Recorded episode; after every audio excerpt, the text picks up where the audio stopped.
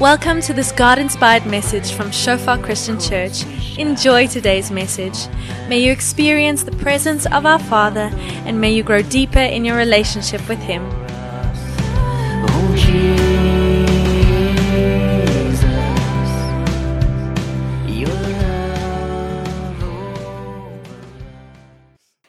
Die plek van genade lesse van 'n verlamde. Kom ons kyk of ehm um, ons ver oggend kan hierdeur werk sonder om te lank te vat. Kom ons lees saam in Johannes 5. Hierna het daar 'n groot fees van die Jode plaasgevind. Jesus het daarvoor na Jerusalem toe gegaan.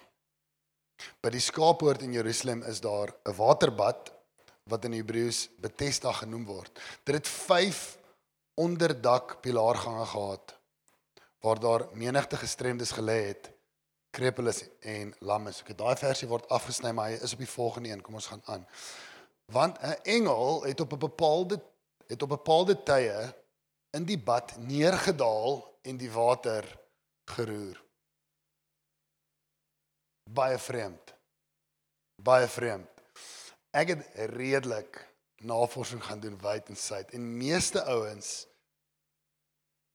baie sterk teoloë op die beste gee God in die Heilige Gees die kans om maar in harte te verduidelik wat daar gebeur het. Niemand waag te veel om te sê presies wat in daai poel van Bethesda gebeur het nie.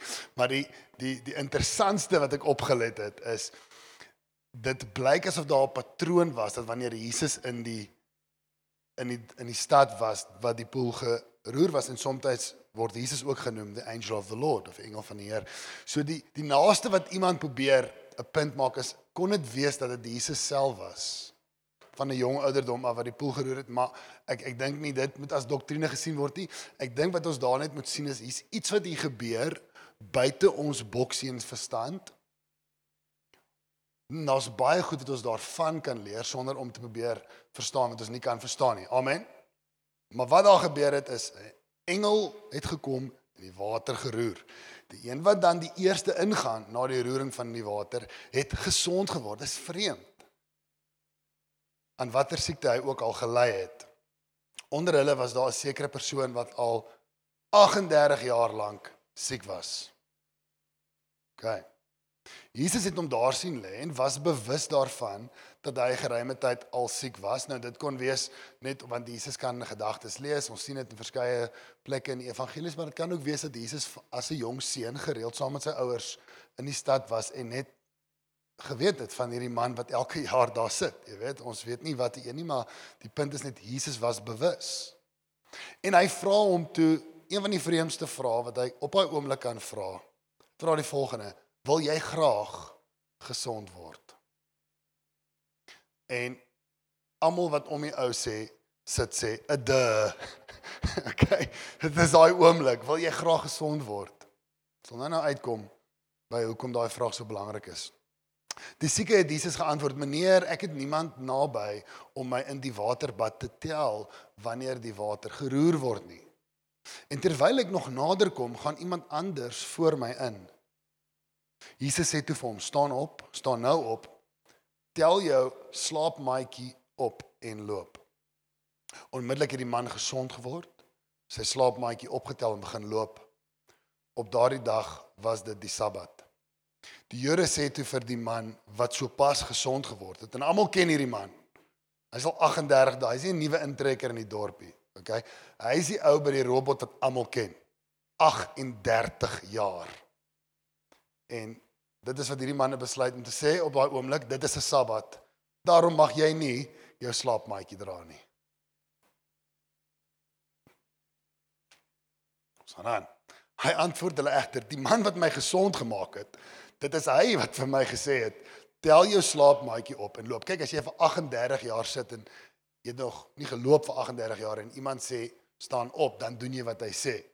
Maak nie saak by wie jy verbystap waarna nie. Dan tel jy maar jou maatjie op en dan en dan doen jy dit net, reg? Hulle vra hom, "Wie is die persoon wat vir jou gesê het tel jou slaapmaatjie op en loop?" Die man wat gesond geword het, het nie geweet wie dit is nie. Want Jesus het weggegaan omdat daar 'n groot skare op die plek saamgedrom het. Is dit belangrik vir oggend vir Emilius wat geslaap het om te weet ten volle wie Jesus is voordat Jesus in sy lewe kan werk? Ja. Ja. Die man weet nie wie dit was nie, maar hy het hom reeds aangeraak. Dis hoe kragtig God is. En dis hoe kragtig ons gebede is, selfs nie oor mense, vriende, familie wat God nie ken nie, wat hom nie wil ken nie. Jy kan reeds daai persoon voor God begin dra in gebed voordat hulle 'n godsbeeld het, kan God kom en reeds kom werk. Kragtig, krag van gebed.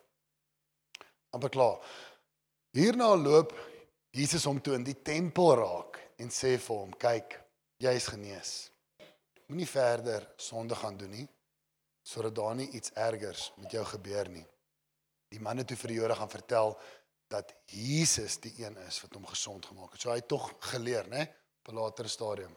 Net so 'n klein bietjie agtergrond voordat ons vandag op vier belangrike punte land vir ons persoonlike groei wat ons gaan leer uit hierdie baie interessante storie uit. Um, ek wil net sê wanneer jy wanneer jy 'n metafoor gebruik om iets te verduidelik, dan gebruik jy 'n voorbeeld van iets wat jy sien. Um om 'n persoon 'n emosionele koneksie te gee of 'n kognitiewe koneksie te gee aan iets anders wat jy wil verduidelik. So 'n metafoor is nie altyd presies dieselfde as die ding wat jy beskryf nie, maar dit help jou verstaan. Byvoorbeeld skrif sê our God is a rock. OK, ons God is 'n rots. Soos is hy letterlik 'n rots. Nee, nee, nee. Wat dit probeer sê is ons God is standvastig. As jy met my? Ehm um, sê Jesus is 'n herder, okay? Is hy in die hemel besig om met skape te boer? Nee, nee, maar ons verstaan die metafoor probeer vir ons daai woord herder dra uh, iets aan ons oor dat hy's besig om my te lei, reg? En ek gaan baie dit doen vandag met hierdie storie van die poel van Bethesda en 'n paar lyne trek tot ons eie pad van disippelskap. Interessant. Bethesda. Nou in in Engels Bethesda, as jy die woord sien in die Bybel Bethesda of Bethany, Bethesda, Bethany, Bethpage, Beth beteken dit is dit is baie interessant. Dit beteken huis. OK? En byvoorbeeld Bethel wat 'n plek in die Bybel was, beteken house of God. El beteken God, dit is kort vir vir God se naam. Nou as jy kyk na hierdie plek Bethesda, daai Beth is huis, Esta beteken genade. So die poel van Bethesda kan ook bekend staan as die plek van die huis van genade. Ehm um, hier's 'n paar interessant is Bethlehem, Beth house, Bethlehem, house of bread. Hulle het brood daar gemaak. Bethlehem. Okay, Bethsaida, huis van vis. Man het vis gevang daarso. Okay. Bethpage, huis van vye. Dit is al die name wat ons kry en dan Bethesda, House of Grace. Nou as jy daai lyne trek, dan is daar iets wat jy van kerk kan leer by die poel van Bethesda, by die huis van genade, want wat is die kerk anders as 'n plek van genade? Amen. So kom ons leer, kom ons kyk, wat is die lyne wat hier vir ons getrek word want Johannes hy vat hierdie storie en hy gee dit vir ons vir 'n rede Hy wil hê ons moet 'n paar goed leer. Wat, wat hy nie wil vir ons wil probeer sê nie is ergens in Sekunda is daar swembad. en ons almal moet daar gaan wag want daar gaan 'n engel kom en die water kom roer, maar eintlik is dit net die creepy crawly wat aangegaan het. Okay. Dit die die punt is nie gaan soek die poel van Bethesda in Sekunda nie. Die punt is baie dieper, baie dieper en dis wat ons gaan soek vir oggend. Net tweedens nog vir agtergrond. Soos die siekes is daar seisoen spesifieke deurbrake wat God wil fasiliteer in jou lewe.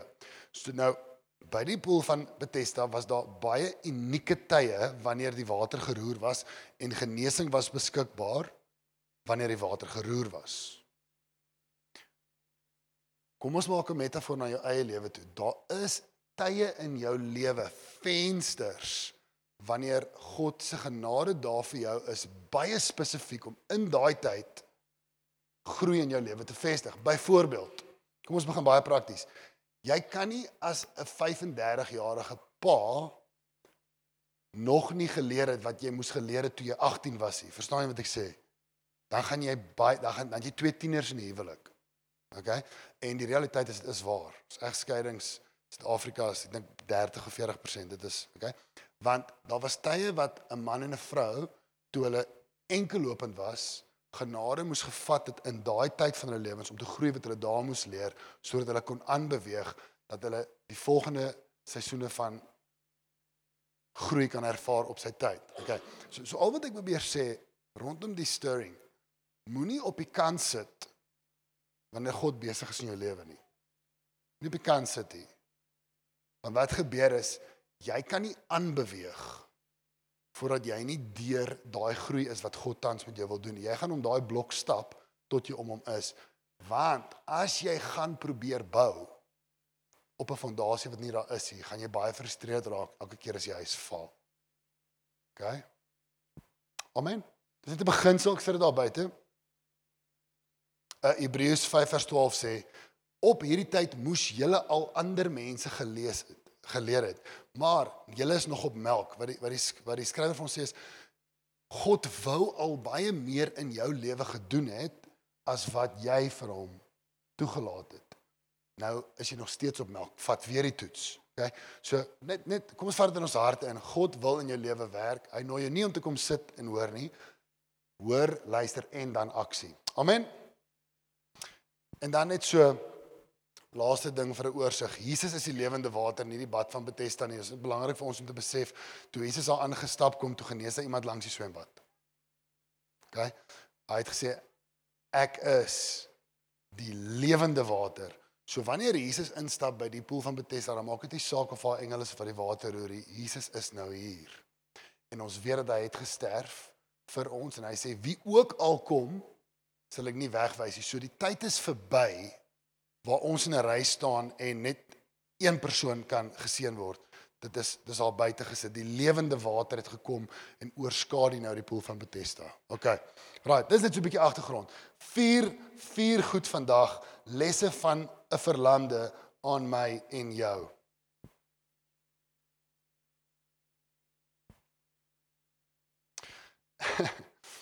Wanneer twee mense iets moet saam doen en hulle is afhanklik van mekaar dan mense wie van julle was al by Home Affairs? OK. So daar's twee partye. Een party kom en dien die papiere in. En dan vat jy die risiko en jy gaan huis toe. En jy weet nie waartoe daai papiere gaan nie. OK, wie weet waarvan ek praat? OK. Wanneer daai party per ongeluk die papiere op die regte plek gekry het, né? Dan gaan die proses deur wat jy gehoop het, gaan deur, want daar's twee partye, daar's jy en dan die die proses van hom vers niemand wat ge, weet gebeur waartoe daai niemand weet waartoe daai papiere gaan nie. OK. Maar jy kry dalk 'n SMS wat sê baie geluk. Die die die babatjies geregistreer wat ook al. Wat belangrik is met ons verhouding met God is dat Jesus Christus kom om ons te red, die lewende water en hy het dit reeds gedoen. So in ons verhouding met God en jou verhouding met God kan ek julle maar offend vandag Daniel, dis jou, dan kan ek maar jy sê ja dan. In my verhouding met God, kom my en in jou verhouding met God is jy home vers. Jy is home vers. God het dit klaar gedoen. Het jou klaar genooi. Sy gees gegee. Dieselfde gees wat Jesus opgewek het uit die dood uit. En nou wag hy vir jou om te sê God gebruik my. Maar hy wag nog. Dalk, né? Nee? Of in my eie lewe in sekere areas as soos ja, Here, ek's in die swembad, ander areas moenie daar God wag vir my. OK. Ek myself nou insult ek is home affairs. Jesus het hom daar sien lê. Hy was bewus daarvan dat hy geruime tyd al siek was. Hy vra hom toe, "Wil jy graag gesond word?" Die sieke het Jesus geantwoord, "Meneer, ek het niemand om my naby aan die waterbed te tel nie." Hy wil jy bietjie groei in jou gebedslewe. Ja, maar ek was nog nooit 'n persoon wat eintlik so daaroor dink nie. Hey, wat van die Here wil jou dalk oprig dat die water in jou oor borrel, jy die evangelie met iemand anders kan deel. Ja, maar daar's niemand wat by my kom kuier en en en met my hierdie goed doen nie. Die eerste ding wat ons doen is ons besluit ons bou 'n argument hoekom ons nie nie moet groei nie. Dis ons. Ons is die man langs die poel. Hy moes wag vir 'n engel. Ons hoef nie te wag nie. Die Gees is hier. The spirit is willing, but the flesh is weak. Gees is gewillig. Maar ons is reg met 'n rede hoekom nie ek ook, ek ook, ons almal. Hoe lank wag jy al om jou stap van geloof te neem? Ek het al mense ontmoet en ek's baie lief vir mense. Goeie mense onder die bus, my sondes is meer. Dan sê hulle vir my, hulle soek al 4 jaar 'n kerk. 4 jaar. Hoe lank? OK. So God wil met jou lewe werk. Hy wil jou bou. So ek verstaan jy sukkel dalk die laaste 6 maande geweldig met kommunikasie in jou huwelik. Maar daai trots het al daar vir 20 jaar. Of 38 jaar. Die probleem is nie die kommunikasie, die probleem is God wil met jou hart werk. Hy wil jou hê, hy wil jou groei. Ons is home affairs. God wag.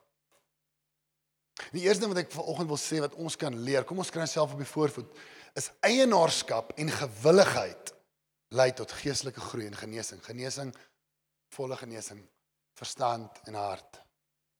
Amen. Jesus vra die ou 'n ja nee vraag. Wil jy genees word? Antwoord is ja. Ek het niemand. Ek is dieselfde en sekere areas miskien jy ook. Ons nommer 1 ek- en ek, en ek dryf hierdie punt so bietjie, ek spandeer bietjie ekstra tyd op hierdie punt. Ons nommer 1 verskoning is iemand anders moes iets gedoen het vir my toe ek 'n kind was of laasweek of iemand in die kerk moes iets gedoen het vir my. En dit is die rede hoekom ek nie kan gesond wees nie.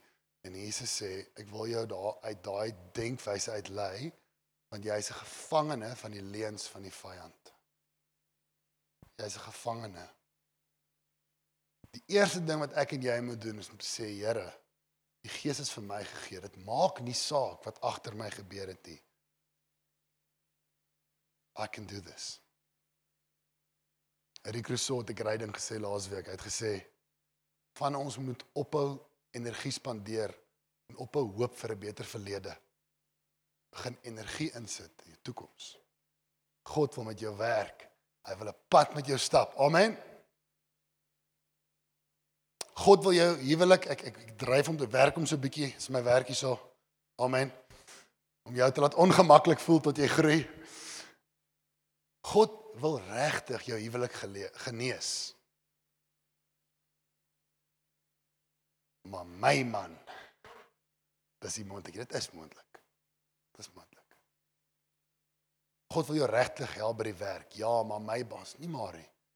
God gaan help met daai deurbraak. Okay? Vertrou hom. Amen. En dis baie goed. Die woord wat gebruik word vir hierdie ou um in die in die in die Grieks is uh, dit was dit was 'n ou van baie he had infirmities. Die woord is swakhede of weaknesses. So 'n goeie ding vir jou om te doen is om deur jou swakhede te groei. As jy sukkel, jy is nie seker wat is my swakhede nie. Ek het vir jou 'n tip. Vra jou vrou. Okay. As hy hier by die helfte van die bladsy kom, sê net wow, okay. Kom ons fokus op die eerste een. Maar God kan jou daardeur lei. Amen. Die, die vyand in um, ek gaan nou afstap van hierdie punt af. Sy taktik is om vir jou te probeer oortuig. Jy weet in jou kop God is goed en hy wil jou gebruik, maar die vyand wil vir jou vertel hoekom jy die eksepsie is. Jy is die uitsondering tot die reël tot groei. Jy is nie. Jy's ingesluit by God se genade. Jy moet aksie neem. Amen.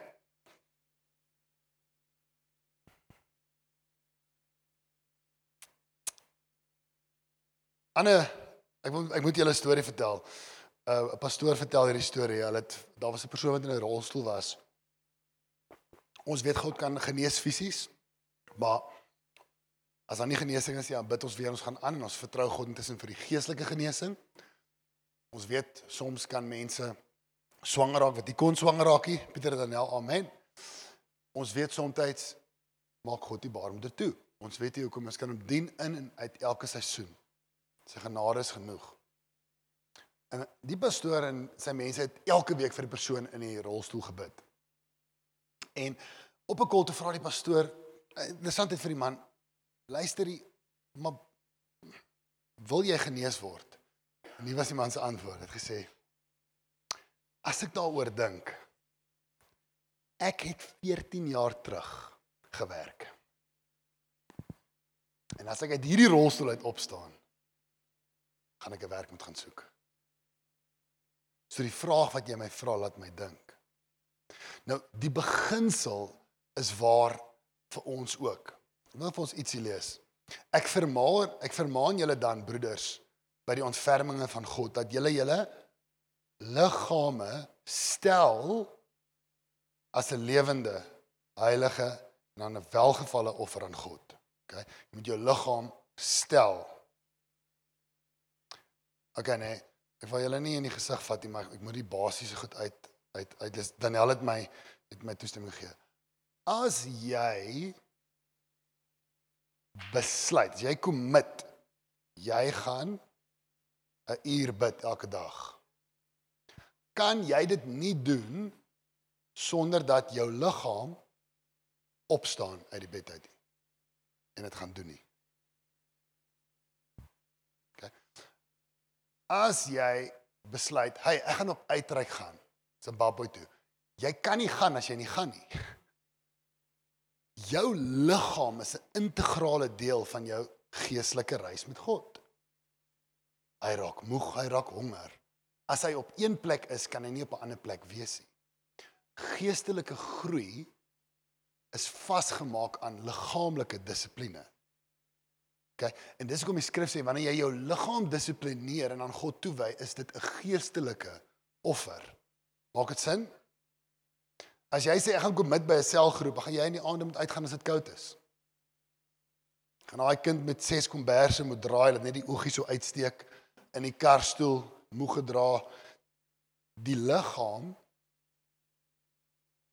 kan nie bly lê en die kop dink oor geestelike uh obedience, né? Hy's deel. So die liggaam se respons teenoor God is is aanbidding. Baie dankie, Isel. Maak sin?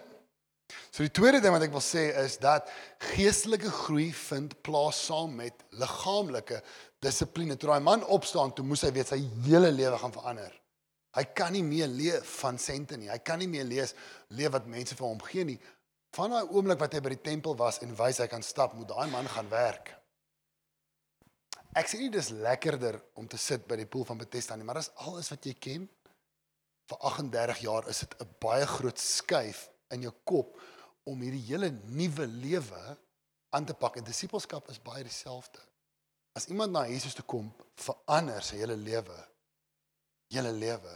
Die liggaam begin God dien. Hy het nog nooit 'n hand opgelig of 'n knie gebuig vir God nie. Hy begin reageer in lof.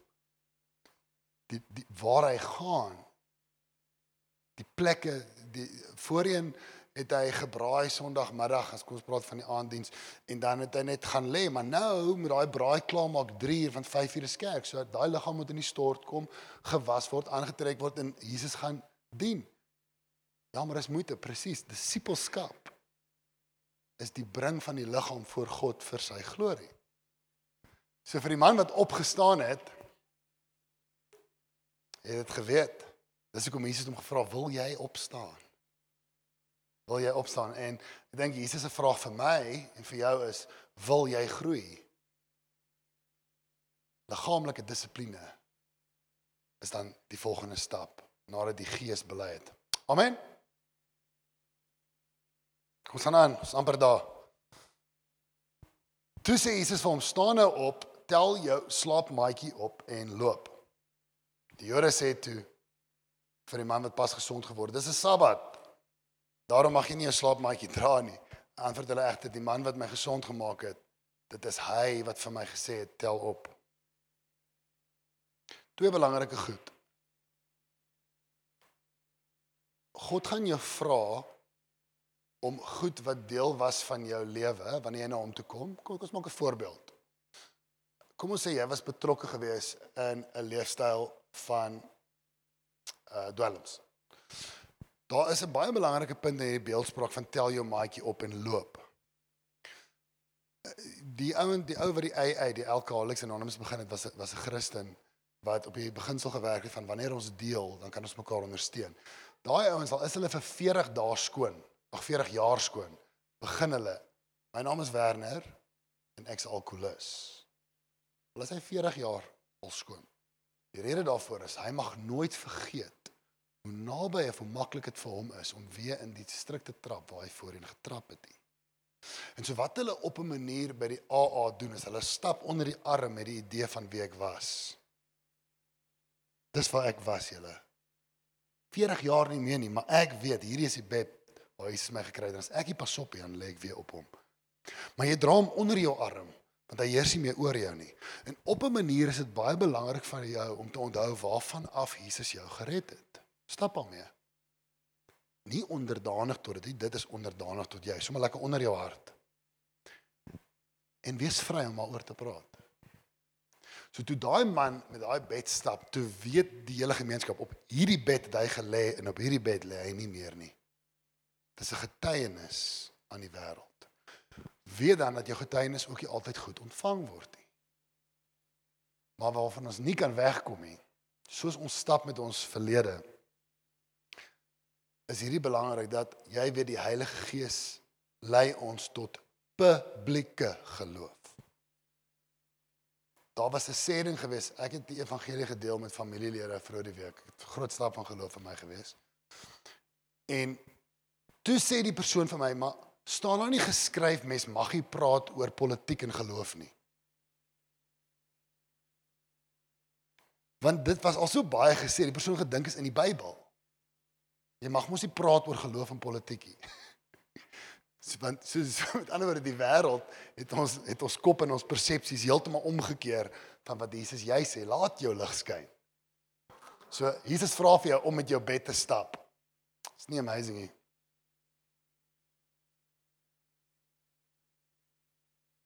Die ander rede daarvoor ons is amper klaar julle. Ek weet julle is lus vir 'n lekker koekies daar agter vir al aan nou. Is wanneer 'n gemeente ons ons sê baie by ons 'n gemeente is waar lede nie bang is om hulle sondes te wys en oor te gesels nie wanneer mense inkom by die deur en dis baie dis baie dis baie moeilik vir mense om in 'n nuwe gemeente in te stap. Um ons het 'n nuwe liedjie vanoggend geleer, maar vir baie van julle was al drie liedjies nie. OK, dis moeilik. Ons besef dit.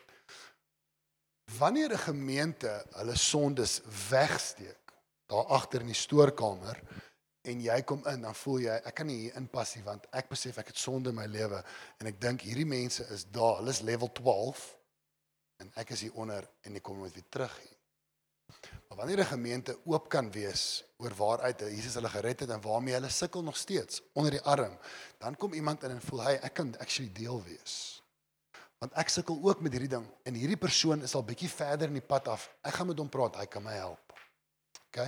Dis Jesus se hart. Laaste punt hierna loop Jesus om toe in die tempel raak en sê vir hom: "Kyk, jy is genees.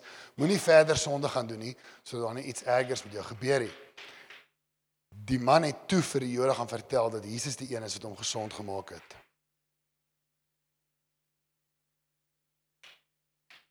Laaste punt vir vanoggend. Jesus ontmoet ons op ons reis en lei ons tot by ons eindbestemming. Hy kry hom in die tempel, die plek van aanbidding en hy ontmoet hom daarso. Hy was naby, hy was hy het vir hom gewag net by die volgende stap van obedience. Dat Jesus vir hom gewag. En hy het hom die volgende instruksie gegee. So om na Jesus toe te kom en jou lewe vir hom te gee, is nie 'n oomblik met hom en dan karring jy op jou eie aan nie. Hy kom op jou span en hy raak jou coach. En deur die Gees praat hy met jou elke dag, elke oomblik Soms ervaar hom ervaar ons hom meer spesifiek, nê. Nee. Soms ervaar ons, "Wow, vandag het die Here regtig iets waardeur ek geworstel het vir my kom wys." En ek dink wat Jesus vir ons hier kom leer is op jou roete, gaan hy jou soms toelaat om 'n bietjie te worstel. Nee, tussen een of twee konsepte, moet ek A of moet ek B, Here? En jy gaan bietjie bid en jy gaan bietjie bid, maar weet in die tempel.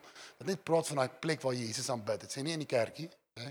Jesus praat nie net in die kerkie, maar in die plek van aanbidding kom hy op die regte tyd en hy kom wys. Dis wat ek wil hê jy moet doen. Miskien deur 'n vriend, miskien deur die woord. Want hy plug in by jou. Amen.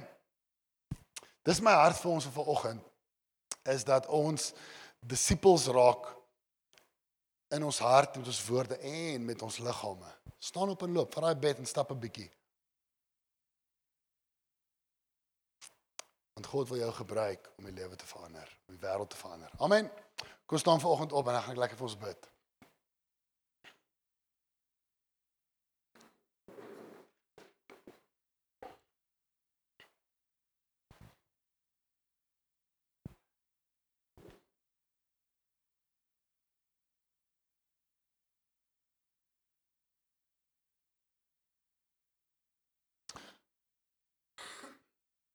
Iemand kan dalk sê ja, maar dis vir Jesus maklik om iemand te genees. Hy ek ben hy die krag om iemand te genees. So wat is so bet, betekenisvol dat hy jy weet nou hierdie man gaan genees want hy het die krag. Daar sê. Ek kies 'n bietjie sagter sit jy. Maar is 'n belangrike ding waar hierdie pool 'n ongelooflike metafoor is vir elkeen van ons vandag. Daar's 'n pool en hy lyk anders. En dis die pool van oordeel waar God op die ou end gaan kom en gaan oordeel. En dit werk so 'n bietjie anders as die pool van Bethesda. By pool van Bethesda as daar een man inklim maar word hy genees. Maar by die pool van oordeel, jy wil nie daarin nie. Want ons almal weet ons skiet kort. So waar by die poel van Bethesda as jy raak so klein bietjie naby en jy wag die water roer, dan spring jy in. By die poel van oordeel sit jy agter teen die mure en jy hoop as jy jou beurtie. In daai poel was daar net een bereid om in te klim. Net een. Sy naam is Jesus. En hy klim in sodat elkeen wat daar sit nooit hoef te ervaar wat moet geervaar word wanneer oordeel op jou kom vir ewigheid. Ja, ons ons ervaar die wêreld ons ervaar as jy saai jy maai en ons ons kry series, ons vat knocks. Maar om 'n ewige oordeel te ervaar is iets heel anders.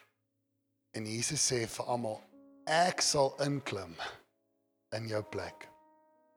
Wat ek vir jou sal doen. En die pool van Bethesda wys, hy wys vir ons soontoe.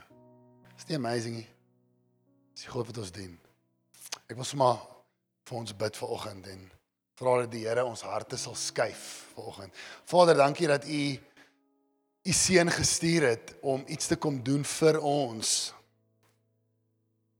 wat ons nie wil self ervaar nie. Dit is om te betaal vir ons sonde. Ons kan dit nie doen nie, Here. Dankie dat U ingeklim het op die kruis vir elkeen wat na U toe kom, Here. Ons wil vir U dankie, dankie, dankie sê. Daar waar jy staan vanoggend Wil jy nie net 30 sekondes vat en net vir die Here sê dankie dat u vir my gedoen het wat ek nie vir myself kon doen nie te betaal vir my sondes. Sê vir die Here dankie, sê dankie Here. Sê dankie Here. U vir my betaal het. U het op die kruis geklim sodat ek nie hoef nie. Wow.